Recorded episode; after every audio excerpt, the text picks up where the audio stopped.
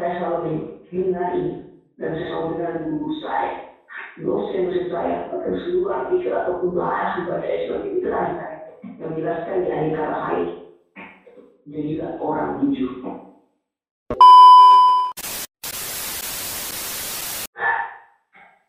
Kalau kita hanya sekedar bekerja, maka terbang bisa juga bekerja. Ya,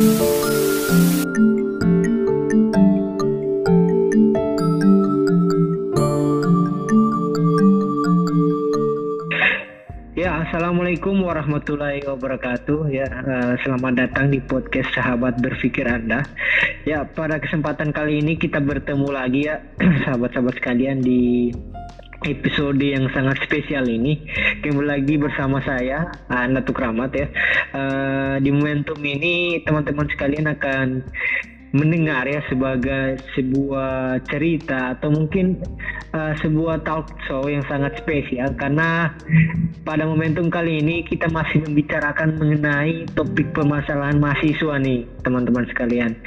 Nah kita tahu secara bersama-sama bahwa peran mahasiswa itu merupakan peran yang sangat luar biasa, terutama kita pada hari ini, pada detik ini kita masih merasakan suasana yang sangat berbeda tentunya.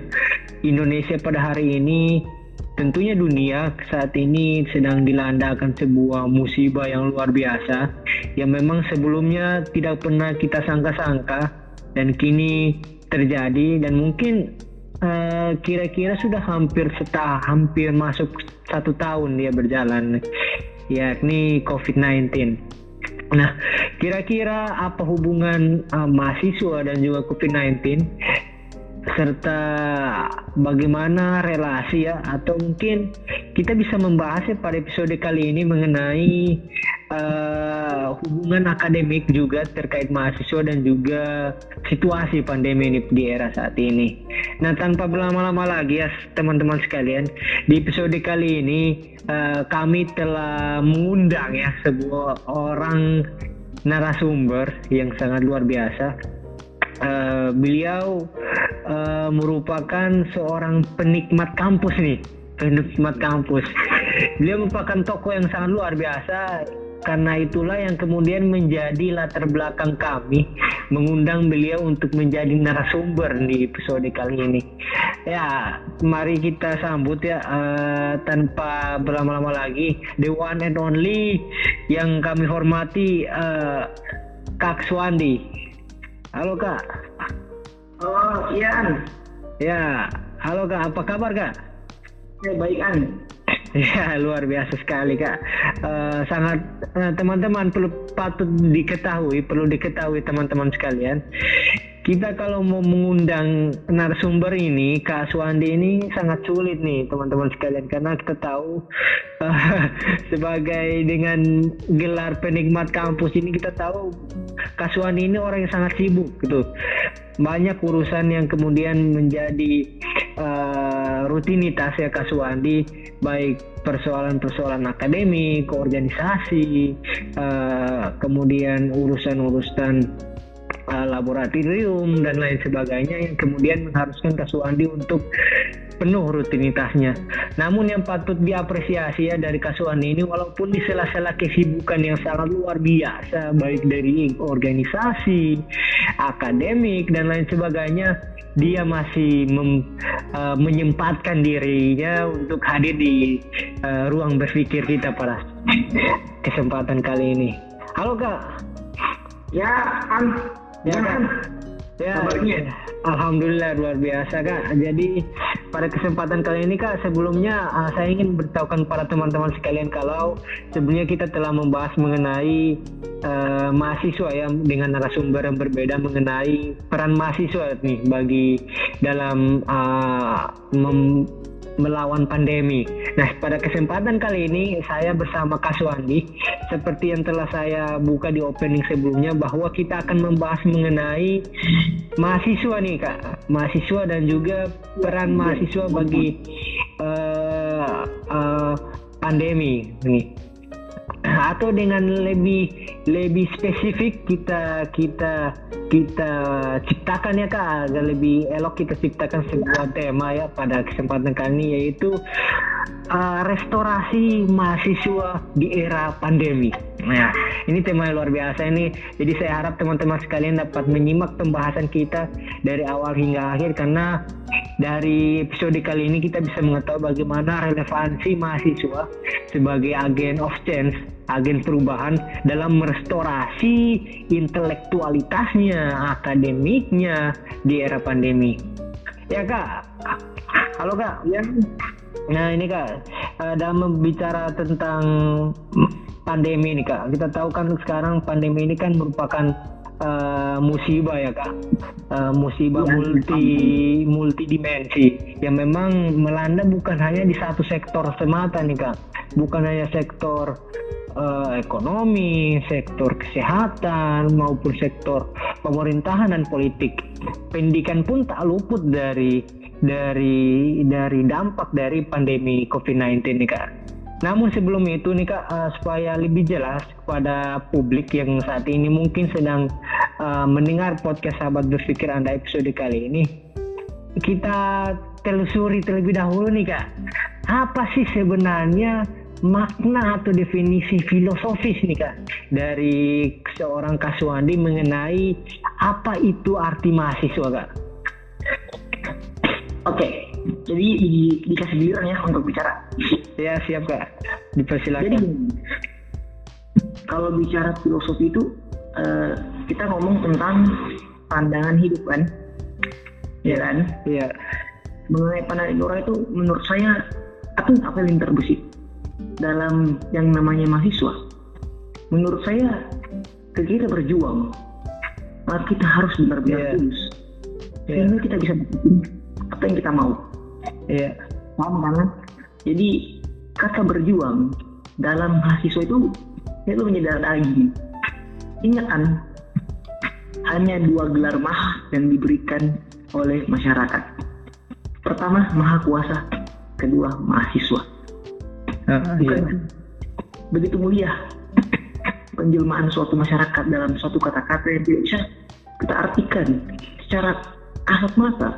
Kita bisa artikan hanya dengan menguasai. Menguasai tentang yang namanya pengorbanan mahasiswa. Kalau lihat mahasiswaan kadang-kala saya kecewa kalau dikatakan sengaja ditunggangi. Eh katanya mahasiswanya lama di kampus macam-macam buat nyumbang SCT katanya katanya lagi ini mahasiswa lama di kampus karena dia nggak bisa dalam pelajaran menurut saya itu salah karena tiap mahasiswa punya fontnya masing-masing buat menikmati kampus. Oleh karena itu, lahirlah sebuah perjuangan dari mahasiswa, terutama di era pandemi ini. Saya melirik dan mengutip dari apa yang kamu tadi bilang, restorasi. Apa yang kita ingin dari restorasi Sebelum kita bicara restorasi, harus tahu dong apa itu restorasi. Yeah. Karena jadi aku jelasin ya restorasi. Yeah. Sesuatu ini menyebutkan satu nilai-nilai ataupun banyak nilai. Coba pikir apa yang nilai dari kita. Yeah. Apa yang bilang nilai-nilai dari kita. Semuanya kadang nggak tahu. Yeah. Tapi saya mau ini. Pertama mungkin sosial kita yang berkurang. Yeah. Padahal kita sadar nilai sosial itu sangat tinggi dan sangat erat yang namanya dengan mahasiswa.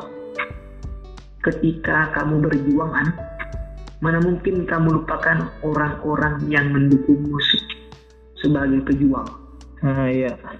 Itu bentuk nilai sosial.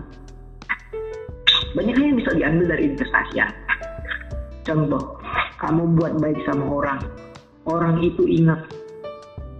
Mungkin suatu saat kamu belum dapat ganjarannya.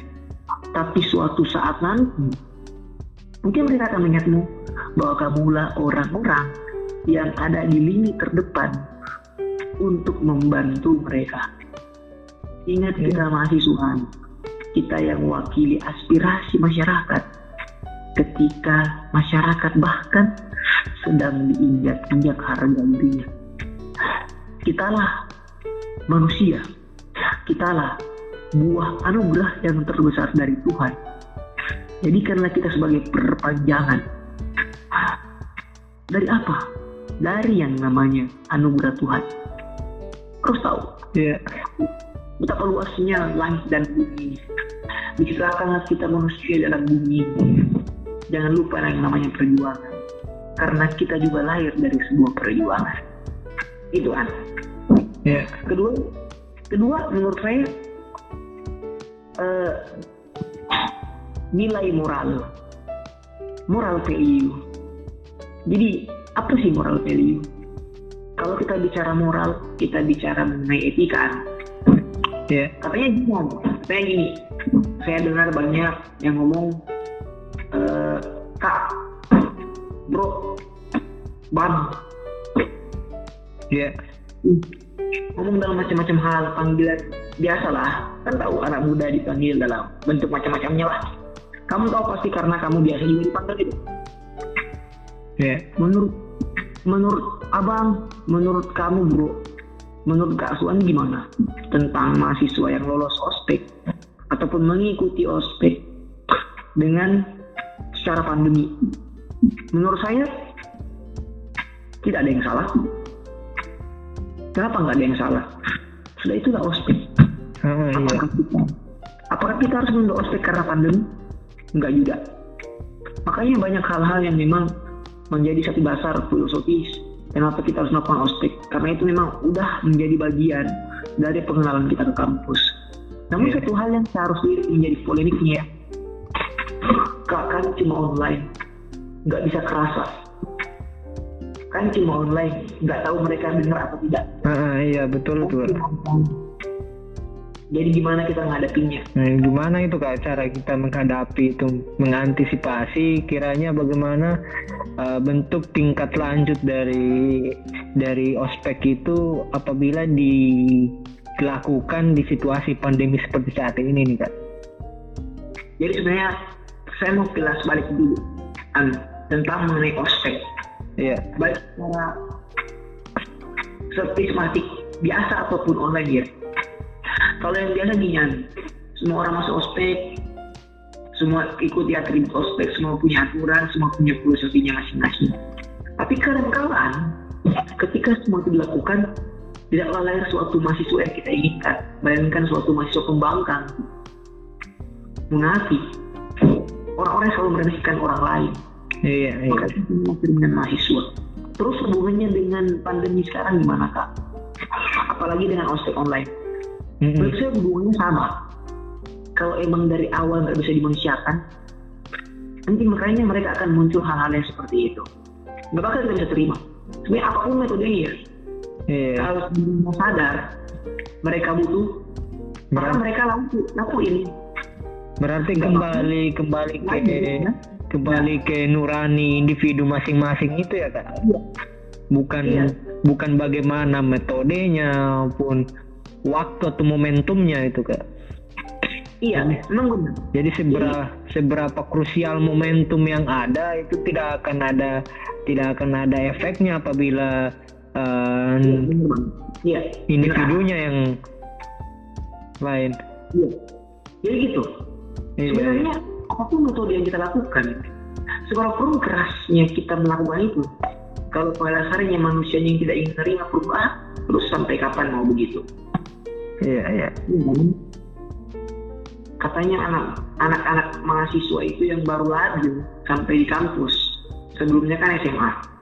Tapi sebenarnya itu salah satu alibi saja ketika mereka itu memang tidak bisa menyempatkan diri untuk berubah, menyesuaikan alur kampus. Jadilah mahasiswa yang tidak mengetahui kampus, kadangkala kurang paham dengan tata cara berhubungan, baik dengan yang mungkin senior lah, mungkin dosen, apa pun mungkin bisa orang sekitar, bahkan teman-teman sendiri. Jadi ini Iya. banyak faktor, banyak faktor yang bisa dibahas daripada apa yang telah kita bicarakan dari tadi. Saya kalau, sebenarnya saya waktu kamu undang malam ini ya, ini Iya. sekitar jam berapa ya? sekitar jam 2 dini hari nih kak atau waktu Indonesia Iya. Tengah ini luar Saya biasa ya pernah- Saya tidak pernah lelah dengan menjelaskan ini ya. Karena saya luar. pikir ini ini ini ini yang per- ini yang perlu uh, teman-teman ketahui ya bahwa ini narasumber yang hadir saat ini ini ini sangat luar biasa ya karena ini patut diketahui ini sudah jam 2 dini hari nih tapi narasumber masih menyempatkan dirinya uh, meluangkan waktu istirahatnya nih ini patut diapresiasi nih kak maksudnya gini An, tanpa kamu bilang seperti itu pun sudah seperti tanggung jawab saya sebagai pejuang untuk memperjuangkan sesuatu. Iya. Adanya pandemi An, kita jangan jadikan alasan kita berhenti berjuang An. Ini An yang perlu tahu. Atensi yang saya berikan itu merupakan satu bentuk paradigma yang nantinya lahirlah suatu aksi yang mengatasnamakan mahasiswa. Hanya dua bentuk. Kalau yang bukan dia jalankan dengan kebenaran, maka dia jalankan dengan kesalahan. Hmm. Itulah dari mana? Mahasiswa-mahasiswa yang laku dan yang sekarang yang mungkin digabung yang tidak pernah tahu tentang nilai itu. Iya. Iya. Itu aja. Iya. Jadi jadi jadi. Iya, jadi jadi jadi kita sebagai mahasiswa ini kayak kita harus harus memilih jalan kebenaran kayak. Iya, itu pasti. Iya. Jadi secara nu nuraniah nih sebagai seorang mahasiswa dia harus sadar dan paham betul-betul bahwa identitas sebagai mahasiswa itu dia harus lahir dan melahirkan perjuangan tuh sama Iya, seperti yang kak sampaikan tadi. Nah ini luar biasa nih kak karena dari beberapa poin yang tadi telah kak jelaskan mengenai apa itu mahasiswa serta uh, bentuk tingkat lanjut dari mahasiswa itu terhadap masyarakat yaitu lahir dari perjuangan dan melahirkan perjuangan karena didasari atas niat baik dan niat luhur dan bentuk rasa tanggung jawab ini merupakan sebuah contoh ya, dan bisa menjadi uh, landasan berpikir bagi mahasiswa-mahasiswa lain di luar sana ini. Mindset berpikir seperti ini yang bisa menjadi inspirasi nih kak bagi mahasiswa di luar sana. Nah ini gini kak. Tadi kan kita telah menjelaskan uh, kita telah berbicara nih kak mengenai mahasiswa dan uh, peran tingkat lanjut nih mahasiswa terhadap masyarakat nih nah ini kan kita sekarang sedang dilanda pandemi nih kak Tentunya sama seperti yang telah saya jelaskan sebelumnya bahwa pandemi ini adalah masalah multidimensi, multisektoral gitu. Jadi tidak hanya satu dimensi atau satu sektor saja yang memang uh, dilanda akan fak- dilanda akan efek dan konsekuensi dari COVID-19 kak. Uh, tak terkecuali pendidikan yang kita sampaikan, yang kita bicarakan pada kesempatan kali ini nih kak. Nah gini kak eh, terkait dengan pen mahasiswa, mahasiswa ini kan kita tahu sebagai tokoh juga ya kak, sebagai pemeran penting dalam akademik di dunia pendidikan nih kak. Tentunya eh, selain ada kesenjangan ekonomi dan kesenjangan sosial yang diperoleh dari dampak COVID-19, tentunya ada poin-poin khusus yang kemudian memberikan konsekuensi besar di dunia pendidikan terkhususnya di dunia kampus nih kak. Seperti kesenjangan akademik nih. Tentunya ini kak ini ini sebagai bentuk realitas yang sangat nyata nih yang perlu teman-teman eh, di luar sana atau publik di luar sana ketahui secara bersama-sama bahwa kesenjangan akademik itu nyata ini dan dan itu ada. Nah ini kak eh, mengenai kesenjangan akademik nih kak. Kira-kira ah, bagaimana nih kak ah, kak bisa menggambarkan kesenjangan akademik itu yang terjadi yang diakibatkan oleh pandemi nih kak Oke, An. Jadi gini, kalau saya deskripsikan pandemi ini ya, secara umum sebenarnya ya ada beberapa poin kurikulum yang tidak dipenuhi. Ini pada dasarnya gitu ya, ya mungkin tatap muka dan lain hal. Tapi terus apakah setelah itu harus disalahkan hal ini? ya Ini kan semua belum merupakan prosedur yang mungkin kita harus lalui karena memang pandemi itu membuat kita harus terbatas. Adanya protokol kesehatan, ya adanya mungkin COVID yang tetap menyebar. Banyaknya hal yang harus diperhitungkan, membuat kita mungkin ya akan kesulitan. Makanya dibilang kesenjangan. Iya. Kenapa sih kesenjangan? Kenapa dikatakan kesenjangan? Karena yang pada dari awal ada yang akan sulit belajar ketika pandemi, ada yang mudah, Iya. ada yang bahkan mungkin untuk belajar saya sangat sulit. Bukan karena tidak mau ya, karena yang kesulitan pandemi itu menumpuk sehingga jangankan aspek akademik, aspek ekonomi, sosial dan itu akan terbatas. Iya. Tapi saya lebih mau untuk merujuk kepada aspek akademik. Jadi ketika akademik, Iya. kita tahu bahwa penjelasan tidak dapat muka.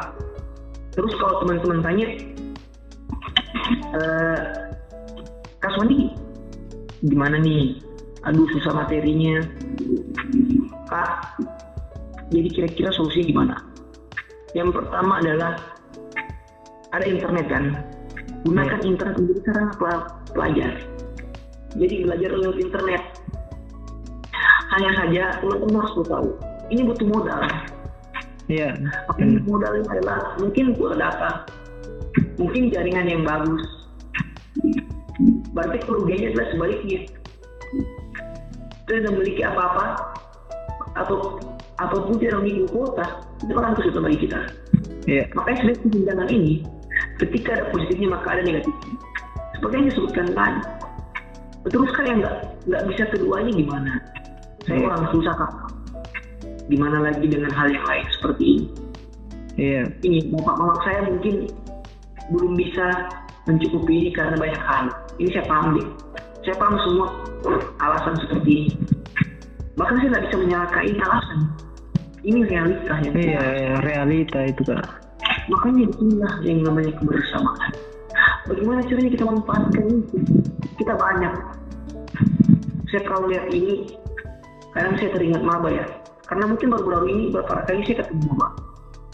Saya selalu nasihatin gimana caranya kalian bisa berkembang bersama. Baik dari latar belakang apa pun, agama apa pun, etnis mana pun, asalmu dari mana, rumahmu di mana, ataupun hal yang lain semuanya tanpa memandang degree kita kerjalah bersama-sama. Karena suatu beban akan jauh lebih ringan jika tidak. Iya, iya. itu bersama. Iya. ini saya sudah mulai bahas ya. Untuk sekali tidak. Makanya dengan hal ini kita harus pelajari antropologi kampus hubungan antara semua di kampus kita harus pelajari. Makanya kita akan bisa dapatkan nilai ini saya tipikal orang yang kalau mengajarkan sesuatu saya nggak mau hanya sekedar menghubungkan namun saya harus melaksanakannya sepenuhnya sepenuh hati. Karena saya sudah diamatkan untuk menjalani semuanya. Makanya dari hal ini kita bisa menarik kesimpulan apakah memang logika kita ini berpikir dan hati kita tergerak Iya. untuk melaksanakan tanggung jawab menyelesaikan restorasi dalam pandemi mungkin cukup dari saya itu untuk hal yang seperti itu mungkin saya kembalikan lagi ke moderator Iya, iya, iya, benar tuh kak ya mengenai kesenjangan akademik ya kak.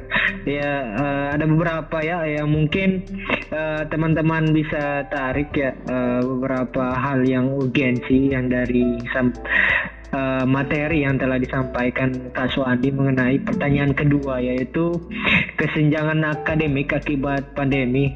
Ya eh, yang perlu sahabat-sahabat kita bersama-sama bahwa eh, di tengah-tengah pandemi ini kak kita bukan jadikan sebagai sebuah hal ya atau sebuah keadaan di mana kita terus menerus mengeluh terus menerus ya terus menerus merasa bahwa ini sebagai sebuah cobaan dan terus menjadi sebuah cobaan ya eh, saya tertarik ya mengenai yang telah disampaikan oleh kak bahwa sebagai seorang mahasiswa yang eh, secara antropologi kampus mahasiswa yang sebagai eh, agen perubahan dan juga mahasiswa yang mana kita ketahui secara bersama-sama memiliki jiwa kepekaan sosial yang sangat tinggi sudah selesai ikut peka terhadap sesama sama-sama meningkatkan ya solidaritas eh, rasa jiwa korsanya dan juga eh, kebersamaan yang memang di tengah-tengah pandemi ini kita diuji ini. Kebersamaan kita tuh gitu kebersamaan kekeluargaan diuji. Karena memang ini bukan hanya krisis uh, satu kelompok semata bukan hanya krisis dari hulu semata.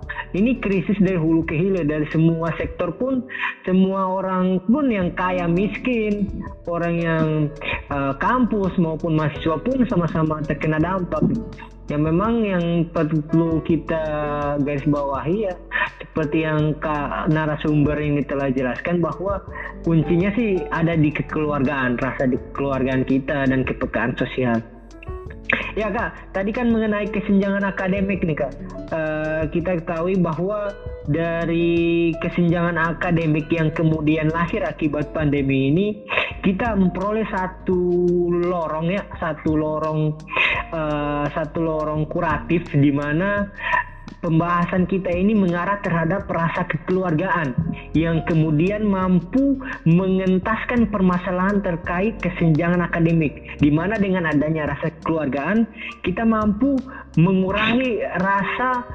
kekhawatiran dan juga keluhan kita mengenai pandemi. Nah ini kan kita kemudian berbi uh, uh, ada satu pertanyaan lagi nih kak mengenai uh, kesenjangan tadi kan apa lorong kita pembahasan kita kan telah sampai pada uh, pengentasan permasalahan kesenjangan nih kak. Nah kira-kira bagaimana ya kak uh, cara kita sebagai masyarakat ya atau mungkin cara kita sebagai mahasiswa dalam menanggapi nih kak. Tadi kan kita telah menghadapi. Nah ini sekarang bagaimana kita menanggapi kesenjangan itu, menanggapi kesenjangan akademik itu dalam ihwal untuk melewati pandemi ini kak? Sebenarnya secara kasat mata ya, secara visual, kita kalau menghadapi sesuatu harusnya kita yang paling pertama itu berhenti mengeluh dan perbanyak usaha. Ini sudah jelaskan tadi uh, solusinya ya mengenai itu satu-satunya kebersamaan. Yang kedua menyesuaikan ini menyesuaikan. Kenapa kalau nggak menyesuaikan? Karena kamu nggak pernah bisa dapat melakukan sesuatu tanpa penyesuaian terlebih dahulu. Emang mau tunggu sampai kapan pandeminya selesai?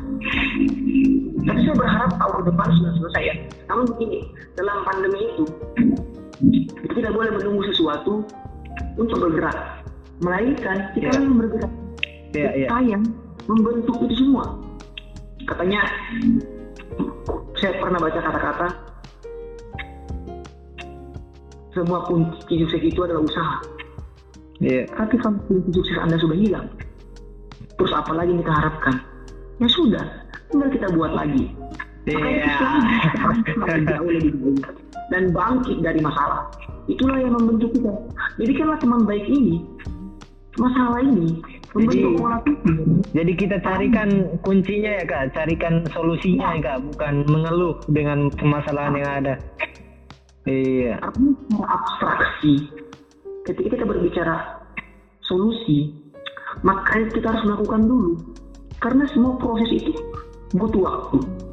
Kalau seandainya waktu tidak bisa menjawab yang namanya solusi ini, maka saya rela menjelma menjadi suatu waktu untuk menjelaskan dan mendatangkan suatu solusi yang paling diinginkan. Jika memang itu harus dilakukan. Iya. Nah, saya penekanan di sini. Makanya banyaknya hal yang menjadi suatu dasar pikir ataupun kerangka berpikir suatu konseptor atau mahasiswa yang akan berjuang. Saya ulas kembali yang pertama. Inilah yang akan jadikan dasar-dasar kita dalam menghidupi menghidup ya menghidupkan sorry menghidupkan dan melewati yeah, yeah. semua di era pandemi. Saya sudah bilang saya bukanlah orang yang sekedar menggugurkan tanggung jawab namun saya adalah orang yang memastikan bahwa tanggung jawab saya benar-benar telah usai. Maka mungkin? Maka mungkin maka mungkin? Kalau seandainya saya sudah laksanakan tanggung jawab saya saya sudah memastikan laksanakan memastikan waktu tanggung jawab ini sudah selesai dengan benar, maka masih bisa aja terjadi yang namanya kesalahan. Dan itu dari luar. Maka itu selalu harus bisa menyesuaikan. Kapan dan gimana. Dan saat apa pun senantiasa kita harus siap. Iya. Eh, saya sebelum saya akhirinya ya, maksudnya ini jawaban saya secara umum. Mungkin di lain waktu kita bisa bahas lagi. Iya. Buya Hamka beliau pernah menjelaskan kata seperti ini. Kalau hanya sekedar hidup, kerah di rimba juga hidup. Kalau kita hanya sekedar bekerja, maka kerbau di sawah juga bekerja. Ini jelas bahasanya bahwa kata sekedar di sini jangan sampai menjadi landasan hidup kita.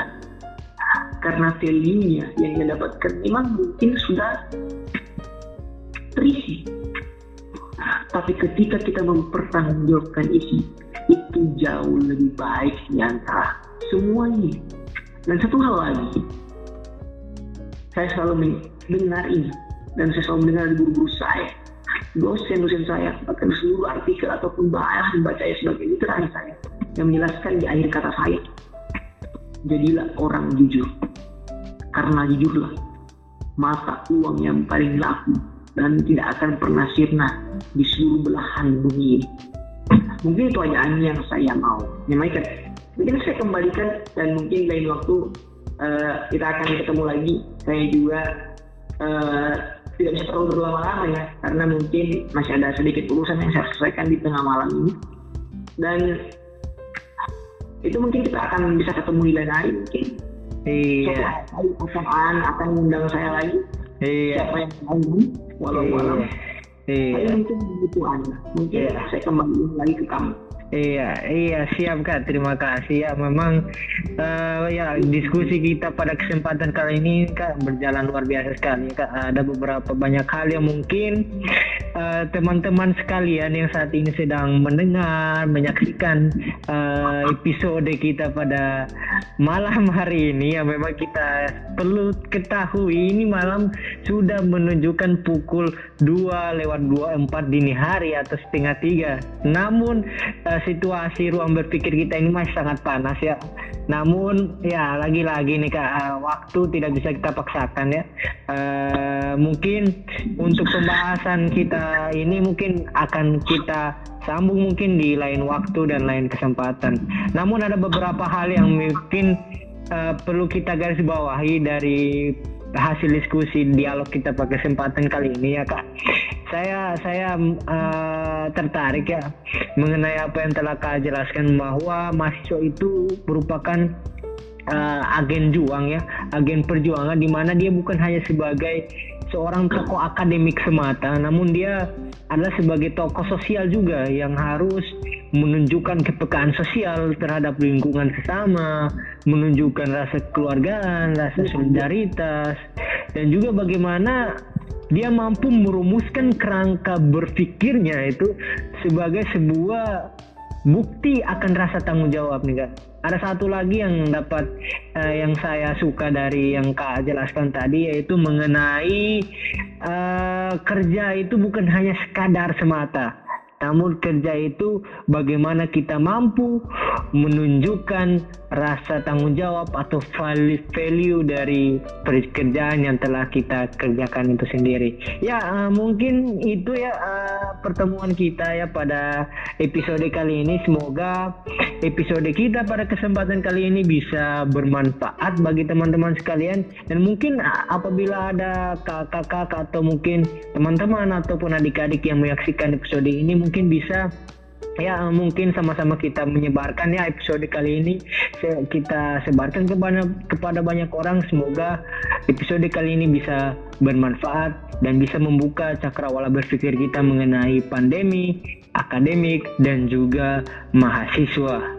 Ya, eh, satu kata-kata terakhir ya dari saya ya mungkin teman-teman anggap ini sudah terlalu lama nih tapi ini kata-kata penutup dari saya ya kata-kata ini dari W.S. Rendra yaitu kesadaran adalah matahari kesabaran adalah bumi keberanian menjadi cakrawala, dan perjuangan adalah pelaksanaan dari kata-kata.